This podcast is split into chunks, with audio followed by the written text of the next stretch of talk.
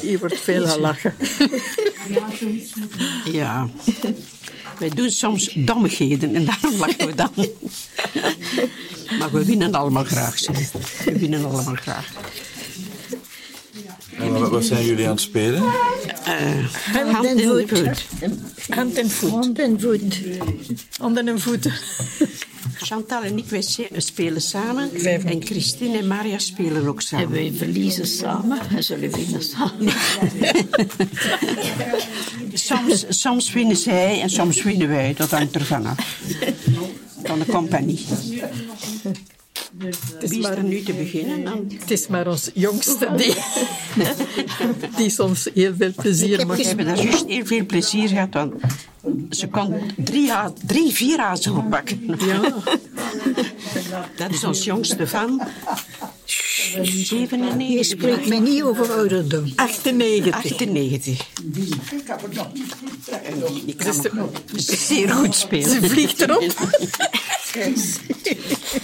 Dat is raar, dit wel. 100, dat is een 100 punten. Ik heb juist geteld. Ja? Ja. Ik dacht dat er twee jokers in zaten. Ook welk is dat? Eh, nee. Ik verblijf een week bij de Zusters van de Jacht in Heverlee. Officieel heet de congregatie Zusters Missionarissen van het Onbevlekt Hart van Maria. Ze zijn wereldwijd nog met 464, van wie 116 in Heverlee. Het is tegen negen uur s'avonds aan en in de ontspanningsruimte zitten aan vijf tafeltjes telkens vier zusters. Ze zijn verdiept in verschillende gezelschapsspelen. Allemaal hebben ze een rijk verleden van hulpvaardigheid in den vreemde dat we niet genoeg naar waarde kunnen schatten. Voor heel wat noodlijdende, soms moeilijk bereikbare gemeenschappen hebben ze onbaatzuchtig, voluit en vanuit de kracht van hun geloof het verschil gemaakt.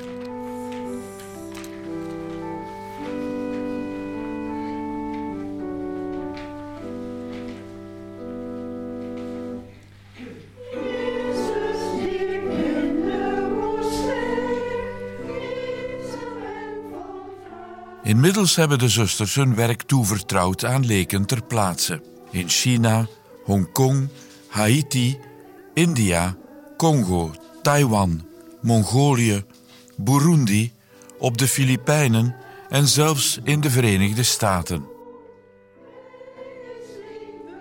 En waar zijn jullie op eh, missie geweest? Ik ben op de Caraïben geweest. Verschillende eilanden. St. Croix, Dominica. Jamaica en Haiti. Laatst was Haiti. En Christine, Christine, Christine? welke missie ben je geweest? Amerika. Amerika. New York.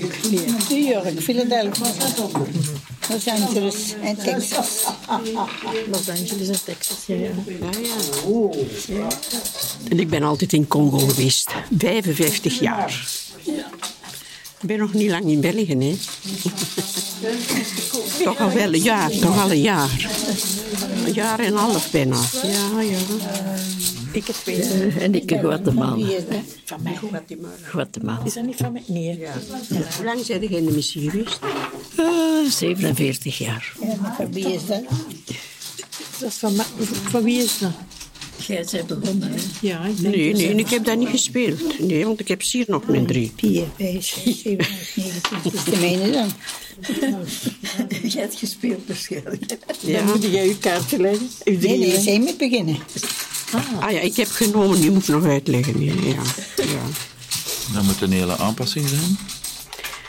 Ja, als je na 55 jaar naar Ries komt, dat is niet zo simpel eigenlijk. Maar ja, Niets aan te doen. Niks aan te doen. En dan, eh, ja, dan hebben ze mij aangeraden van niet meer terug te vertrekken.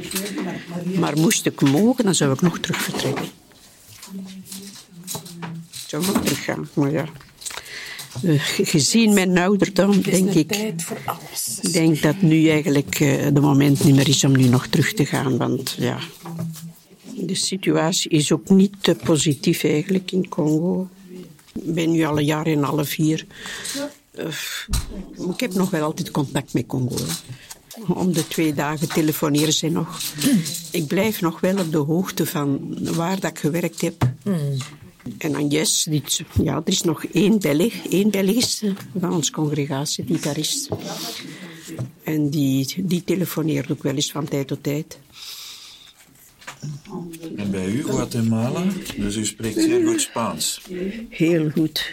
Maar ja, dat is al lang voorbij, hè. Twee, drie, vier, vijf, Maar zes. hoeveel jaar zijn er al in... in Een België van... In 15 was het onze jubilee. En dan die operatie, hè. En er was toch zoveel werk in België, zeggen ze. En ik heb dat geloofd. En dat was niet nodig geweest. Nu, wel, ja, de meesten blijven zo lang of dat ze kunnen eigenlijk. Hè. ja, Dus u was liever nog wel langer gebleven. eigenlijk wel, hè. Gaat daar werk. En hier, maar ja. Maar ja, het is zo. Ja, en aan een zekere ouderdom, daar moet je eigenlijk wel gedacht van maken. Nee, om te zeggen, ja. Ze gaan toch moeten voortdoen alleen, zonder ons. Het zal op een andere manier zijn, maar dat, dat gaat gaan. Maar ja, dat zal helemaal anders zijn. Wie speelt er hier? Het is aan u.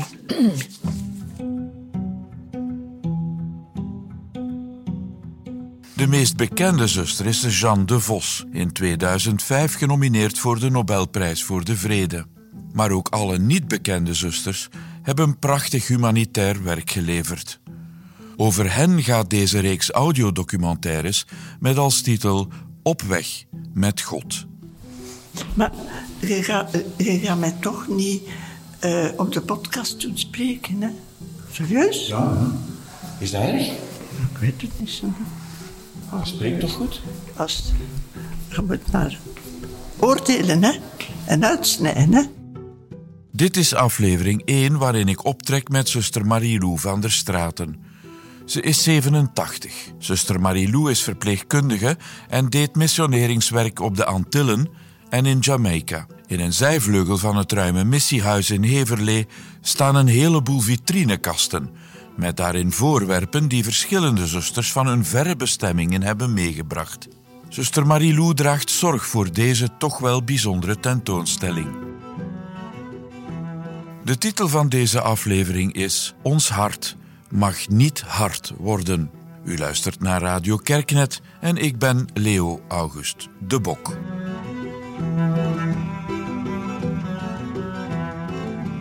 Eh, hier, eh, we gaan hier beginnen. Hier ziet je in het begin twee uh, tafereelen die gemaakt zijn op de Filipijnen van het leven op de Filipijnen.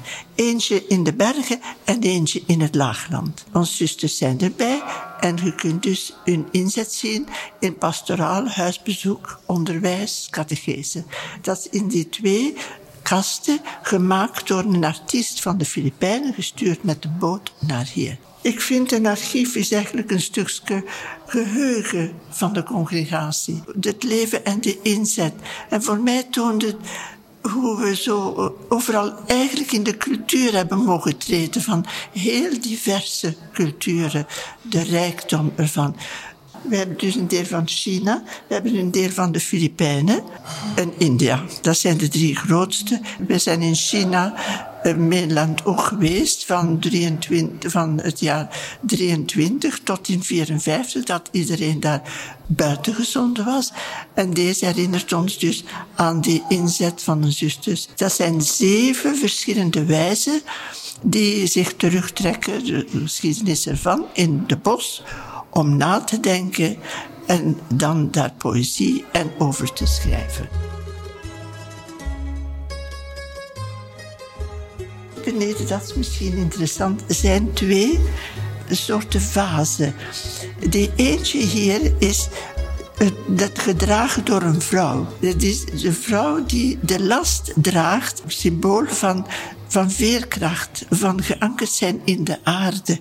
En daarnaast is er, zijn de mannen die een kelk dragen. De pijn, het leed van de wereld. Maar toch, spijtstragedie, opstaan, er al hun kracht achter zetten.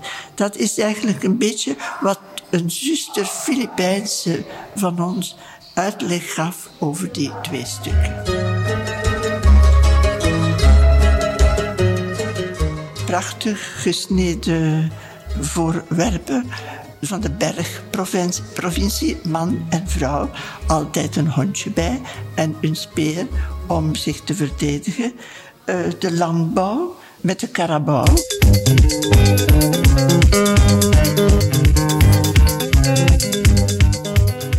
Dit is een dank vanuit Cameroen. Kijk eens hoe mooi dat dat is. Dat is allemaal gemaakt uit het hart van de boom.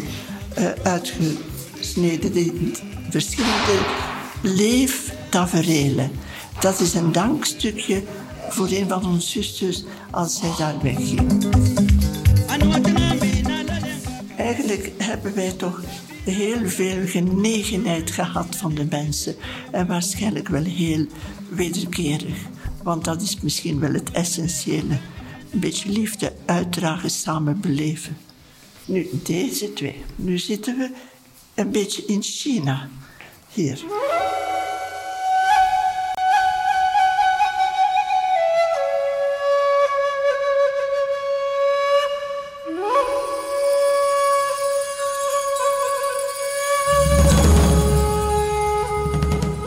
China, heel typisch die heel kleine schoentjes. Die manier is natuurlijk vele jaren terug afgeschaft. Dat is ook niet te doen. De transport, klein beeldjes van transport. Deze is een wierookstaander. En dan heb je uh, de mooie...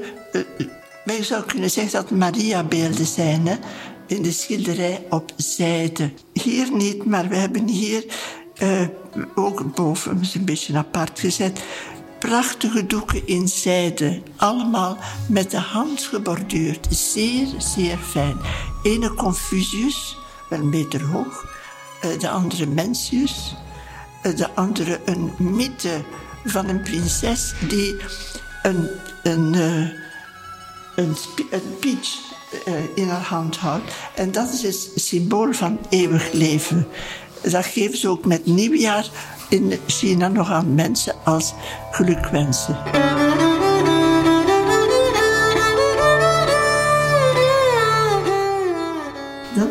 Hier ook een zeer mooie kast. Dat is een beetje ivoor dat we hier hebben. Uh, oud, zeer oud. Maar ik toon graag deze. Uh, dit stukje in ivoor is een, een wagen in de wagen zit een Krishna, een godes, en vooraan staat de prins. Het, het karretje is getrokken door vier paarden. Het heeft het symbool van God die uitreikt naar de mens. Dus eigenlijk wat je eh, ziet in die verschillende spiritualiteiten, zit iets heel dieps in dat wij toch als we ergens mogen zijn, moeten trachten in te treden en te begrijpen. Kijk, wat een mooie lotusbloem. Hier in hout, zeer groot. Ze gaat open en ze gaat toe. Hetzelfde symbool, goddelijke geboorte en zuiverheid. En natuurlijk heb je de, de olifant die zijn werk ook moet doen. Ja.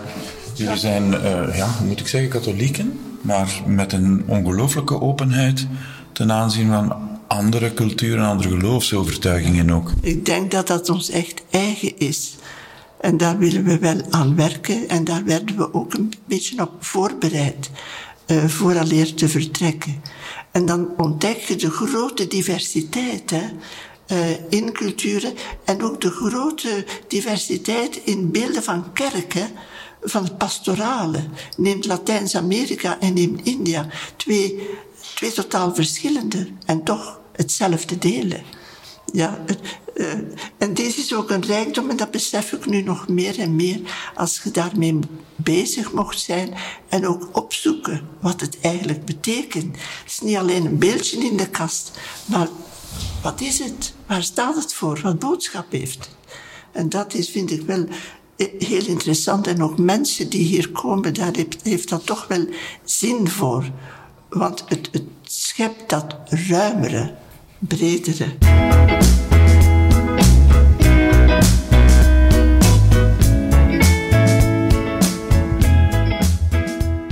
Wat daar het essentiële was, als ik zo terug kijk naar die tijd van enorm veel geweld in Jamaica. Ik heb die wijk waar die parochie lag letterlijk zien kapot gaan. Mensen zoveel. Eh, vroeger was Jamaica een vredig land, vertellen de mensen. De twee politieke partijen die ontstaan waren, waren twee uh, kozijns. Behalve rond verkiezingen, dat was een beetje spanning. Maar die hebben dat nooit gekend. Maar dan kwam de drugs op. En eh, daarmee ook uh, geweld. Ik heb heel veel geweld gezien. Maar in de par parochie, we hebben daar wel een paar interessante dingen gedaan. Ik heb hier geprobeerd iemand uit te nodigen voor theaterwerk. Dat is twee, drie keer gelukt met mensen vandaar. Maar dan wilde die meneer niet meer komen omwille van de veiligheid. En een ander project dat ik toch nog altijd zo mooi vind. De kinderen hebben daar, ik zag geen poppen bij de, klein, kleine meisjes. En, en om iets te doen met de vrouwen, dacht ik, zou ik kunnen voorstellen, ik had een patroon gekregen van een dame, zelf materiaal, om dat te beginnen. En als ik dat uitlegde, dan kwamen niet de vrouwen, maar dan kwamen de kinderen daar naartoe. De kleintjes, kleinste uh, tien en de grote misschien twaalf, dertien. Um, dan samen met zusters van ons, die, die mij kwamen helpen. Ze leren steken, ze leren naaien, uh, ze leren proper werken, mooie popjes maken, afwerken. En dan hebben we die kunnen verkopen in het buitenland. En dan hebben we de centjes kunnen verdelen aan elk van die meisjes iets gegeven en natuurlijk iets voor het centrum gehouden ook. Maar hoe eenvoudig dat, dat is, ik vind dat nog altijd een schoon project. En als het daar veel geweld was, en je toch altijd werken, maar je moet in een gebied altijd vragen. Als de mensen zeggen, zuster, vandaag moet je niet buiten gaan en moet je niet naar die wijk gaan, dan moet je niet gaan. Moet die men, je moet wederzijds vertrouwen. En ze zeggen dat wel. Maar één dame zei, zuster, het feit dat ik u elke morgen hier zie komen, is voor ons hier een teken van hoop. Je zei er nog, wij zijn er.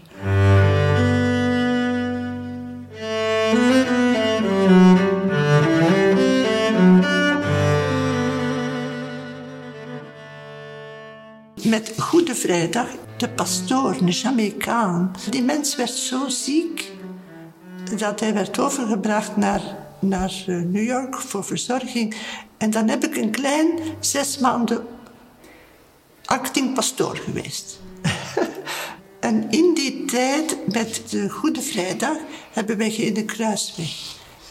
En dan hebben we een voettocht gemaakt door die, dat stuk van de parochie maar deze parochie kende enorm veel geweld. En dat stopten we. We stopten op plaatsen waar iemand het leven verloren had. De laatste keer dat ik daar was en dat deden, dan waren de mensen voor het vertrek van ons klein processietje heel onrustig. En de, we vroegen gewoonlijk aan de politie of we mochten gaan. Hè. En dan kwamen ze een beetje met bescherming. Maar die dag mochten gaan. Maar er was daar niemand niet te zien om een beetje iets in de oog te houden. Maar ik voelde aan de mensen dat er iets was. We waren nog maar een blok verder dat er geschoten werd. Eén gunman had zich bij de groep vervoegd. De zoon van iemand die daar dichtbij woont. En die had wraak genomen op een andere familie. Terwijl wij daar op straat stonden. Ongelooflijk, ongelooflijk. En we zijn er dan toch terug samengeraapt en toch verder gaan. Maar het leed van mensen, hè, het leed van mensen, die moeder, die, uh, die jongen. Op een dag in de parochie komt er een oudere dame met zoveel verdriet. En ze zegt, zuster, een kleinzoon hebben ze doodgeschoten op straat. Dat is allemaal in die gunwereld, hè. En, waar zal hij zijn? Waar zal hij nu zijn? Zijn ziel. Dat was haar bezorgdheid. Ging hij bij de Heer zijn of niet? Ik heb dan gezegd, mam, moeder, als de Heer uw verdriet ziet en uw groot gebed, dan heeft hij me lang opgenomen bij hem in de hemel. Eigenlijk, dat is mijn schone tijd geweest in die parochie. Niet gemakkelijk, maar maar mooi. Mooi ook met, met mensen te zijn. Hè. En dat heb ik dus mogen doen in die uh, parochie.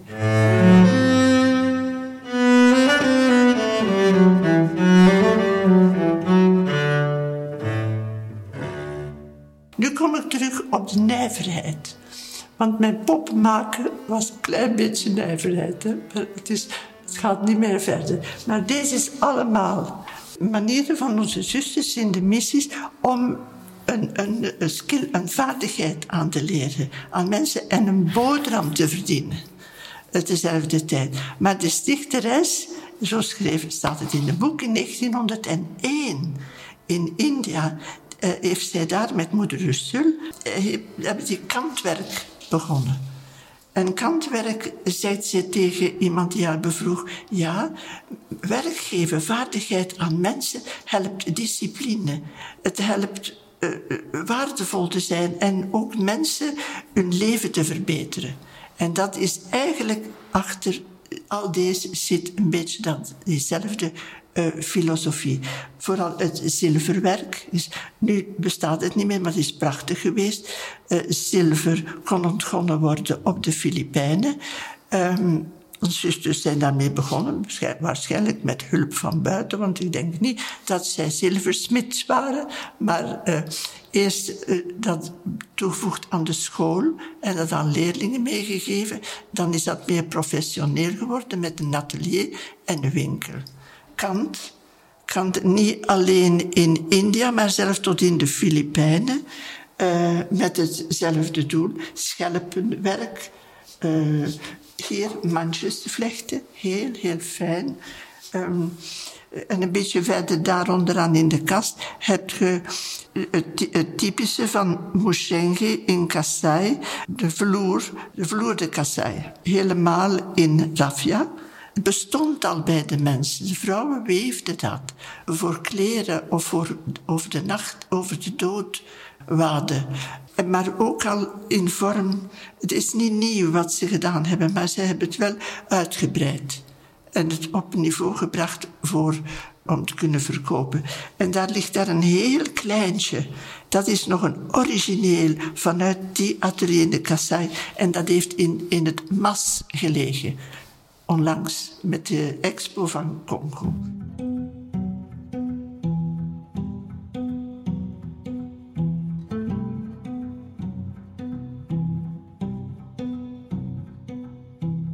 de kern van missionering zal altijd blijven. Het, het, het, feit dat wij, ik zou zeggen, religieus missionaris zijn, heeft de dimensie van. Wij, wil ik zal niet zeggen brengen, want de Heer is waar we naartoe gaan, is de Heer al aanwezig. Maar wij gaan toch om de liefde te delen met de mensen. Om, ze mee, om, samen meer eh, het leven gelijk te maken, de eh, gerechtigheid. Dat gaat dus anders zijn. Dat gaat voortgaan, dat zal altijd blijven duren. Mensen die toegewijd zijn aan de Heer, totaal. En vanuit die, vanuit die drijfveer eigenlijk leven willen delen waar mensen arm zijn, dood zijn. Maar het zal een andere, totaal andere vorm krijgen. En wat die vorm gaat zijn, dat weten wij ook nog niet juist. Uh, wij zien dat ook in de congregatie. We zijn met veel minder dan wij ooit geweest zijn. Dus zoals het nu is in structuur, kan het niet verder. Maar de kern zal altijd blijven. De kerk zal altijd de mensen hebben om uit te sturen en de leven te delen waar de nood is. Ook de nood aan liefde van God te beleven. Zo zie ik het, maar vraag me niet. Ik zal het waarschijnlijk niet meer zien. Maar zo, zo is het ook goed. Eigenlijk, uh, wij over de jaren hebben al heel veel evolutie gezien. Is ook niet meer zoals het was in 1900 als de stichteres vertrokken is. Uh, met hun visie is ook de onze niet meer, maar wel de kern van de zaak. Die blijft, die blijft de onze en in het verleden en denk in de toekomst. Anders, heeft het, anders moeten we niet zijn. Is het geloof daarbij onontbeerlijk? Voor ons, voor, voor ons, ja. Want dat, dat draagt ons. Dus die, relatie, met de, met de Heer, die ons draagt, gestuurd door Hem. Als er geen geloof is, dan, dan zou ik beter als een, als een sociale werker gaan. Zeer gewaardeerd, hè. En die doen het misschien ook uit een standpunt van geloof, hè. Maar deze heeft toch uh, zonder voor ons, ik spreek nu van religieus missionarissen, hè, is dat onontbeerlijk. Dat is de kern van onze zaak. Maar er zijn veel mensen, sommigen zeggen die niet gelovig zijn, die prachtig schone inzet hebben met de waarde van het evangelie. Daar geloof ik ook in. Um, en op die vlak moeten wij kunnen samenwerken met mensen die geloven en niet geloven. En, en eigenlijk diepere waardigheid van het leven delen. Volgt u een beetje wat er in de wereld gebeurt? Heel veel hier. Enorm veel. Naar het nieuws. Uh, luister naar elkaar. De een heeft alweer meer gelezen dan de andere. Tracht het situaties te begrijpen. Um, ja, wij volgen. Het geeft geen zin van niet te volgen. Wij, uh, wij zijn deel van die wereld die vandaag met zoveel leed heeft dat het ons ook diep uit. En we zitten er ook hier en daar te volle in. Zusters in Congo, bijvoorbeeld Haiti, een dag van vandaag. Uh, delen in, die, uh, in dat, dat leed en dat geweld en die extreme armoede.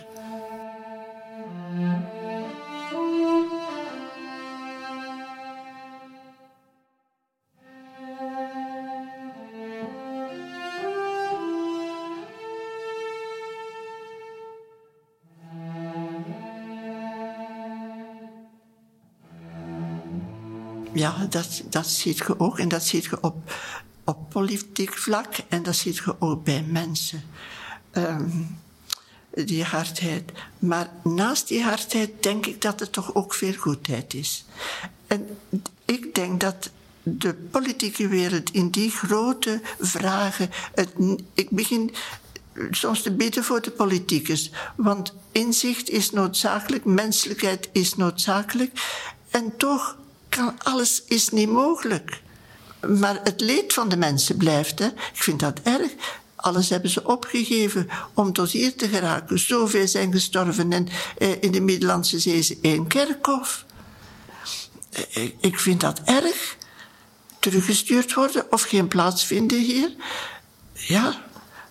En dan aan de andere kant, hoe lost het allemaal op?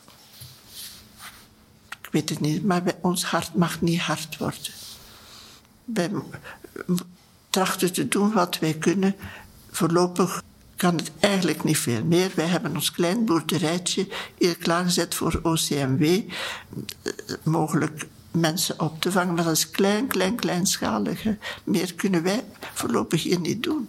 Maar als de situatie in die landen niet gaat verbeteren, dan gaat het blijven. Hè.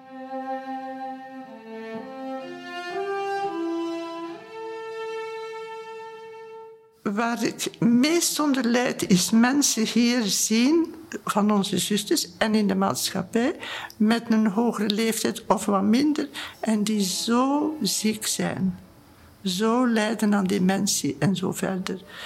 Zo zou ik niet graag ouder worden. Dan zeg ik tegen ons hier, als dat moet komen, kom me dan maar ophalen. Maar uh, ik heb eigenlijk nooit niet veel bezig geweest met leeftijd. Maar nu kan ik er toch niet naast kijken. Naast kijken en niet wat ik zie en ook niet mijn eigen gevoelens. Hè. Ik word ook ouder en ik voel dat ook. Hè. Dichter bij de eindstation gaan. En daar ook wel een beetje meer mee bezig zijn ook. Maar toch rustig, denk ik. Ja. Ik ben er op, die, op dat vlak ook zo niet mee bezig. Hè. Het is meer de relatie met de Heer, het gebed, bij Hem zijn Nee, schrik is er nog niet. Maar ik weet niet als het zover komt, hoe dat ik zal voelen. Maar uh, wij worden hier, of ik, word hier toch wel geconfronteerd met de dood. Verleden week hebben we drie begrafenissen elke week gehad. Je ziet dan de sereniteit van mensen in overgave. Of die het moeilijker hebben. Eigenlijk hebben wij een beetje een, voel ik mij een beetje een leerschool. Hè? Alleen maar van het getuigenis voor mijn ogen te bekijken. Hè. En dan kunnen we maar alleen dankbaar zijn voor het leven. Als de tijd komt, dan, denk, dan hoop ik dat ik dat dankbaar in ons Heer zijn handen kan leggen. Hè. En dat moet ik dan nu al doen. Hè. Want wat wij nu beleven, zo zal het later ook zijn, denk ik. Hè. Ik bedoel dat de innerlijke houdingen uh, niet op het laatste minuutje komen.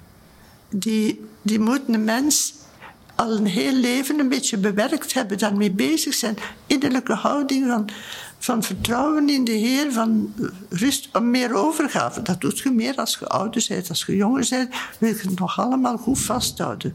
Maar als, als ik ouder word, ik ervaar dat in mezelf, is er meer overgave of het verlangen om te kunnen met, met dat meer vertrouwen in de Heer te leven. Hè. En dat bedoel ik dus, zoals ik nu in het leven sta, zo hoop ik dat dat ook verder zal gaan. Hè. En dat het de overgave er kan zijn als het ogenblik er komt. Maar het is eigenlijk nu al bezig. Hè. In het laatste minuutje nou, maar niet meer arrangeren, denk ik. Zo.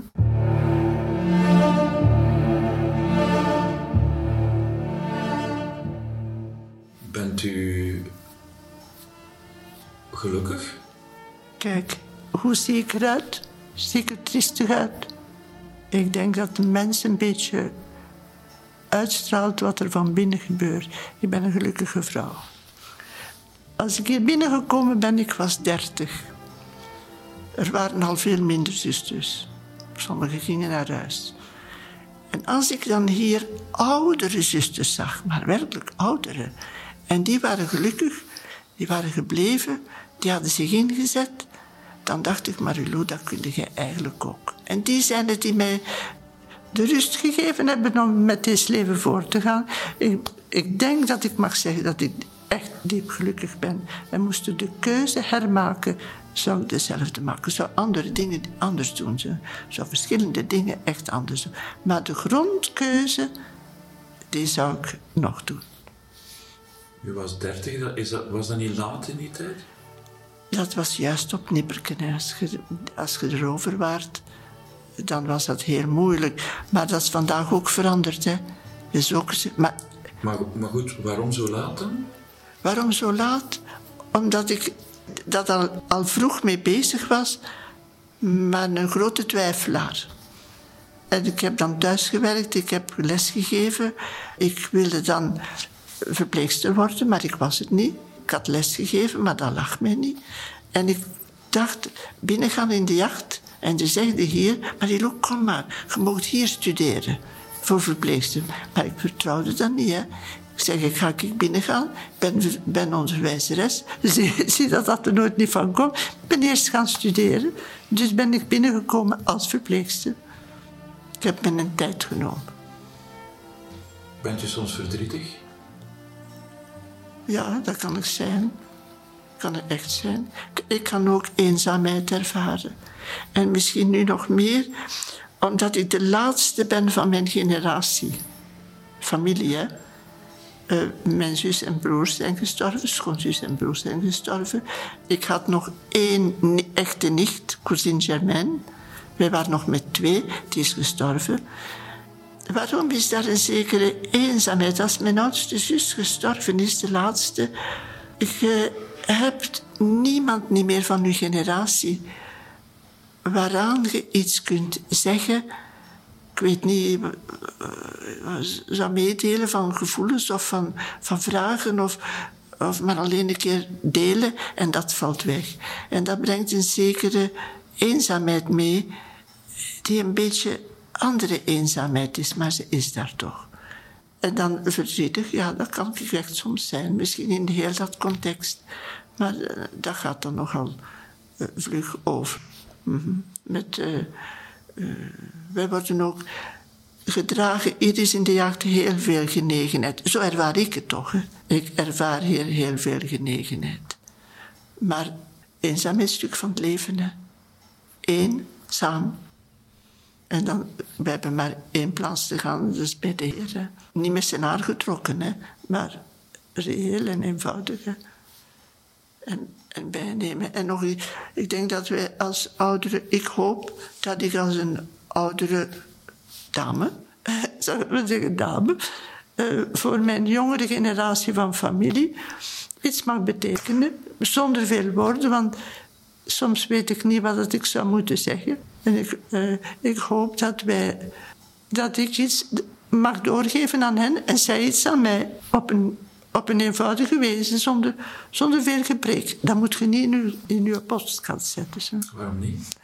Maar dat moet, ja, een tijd van, je begint meer in het leven en echt eer, de andere eerbiedigen in, het, in zijn standpunt. In wat de mensen dikwijls hebben meege, meegemaakt, dat weten we niet. Kun je zeggen, wow, dat versta ik toch niet, waarom de dienen zo en zo.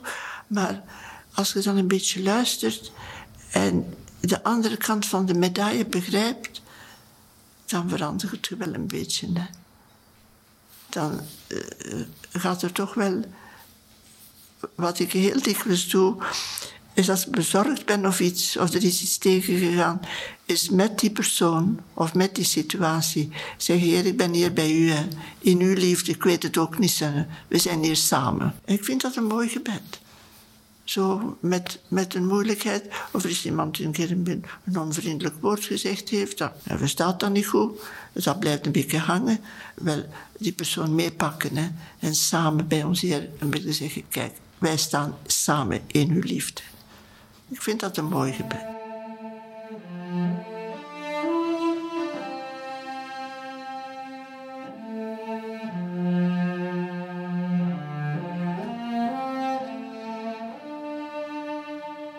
Dit was aflevering 1. Ons hart mag niet hard worden. Een aflevering in de reeks audiodocumentaires over de zusters van de jacht. Fijn dat u luisterde.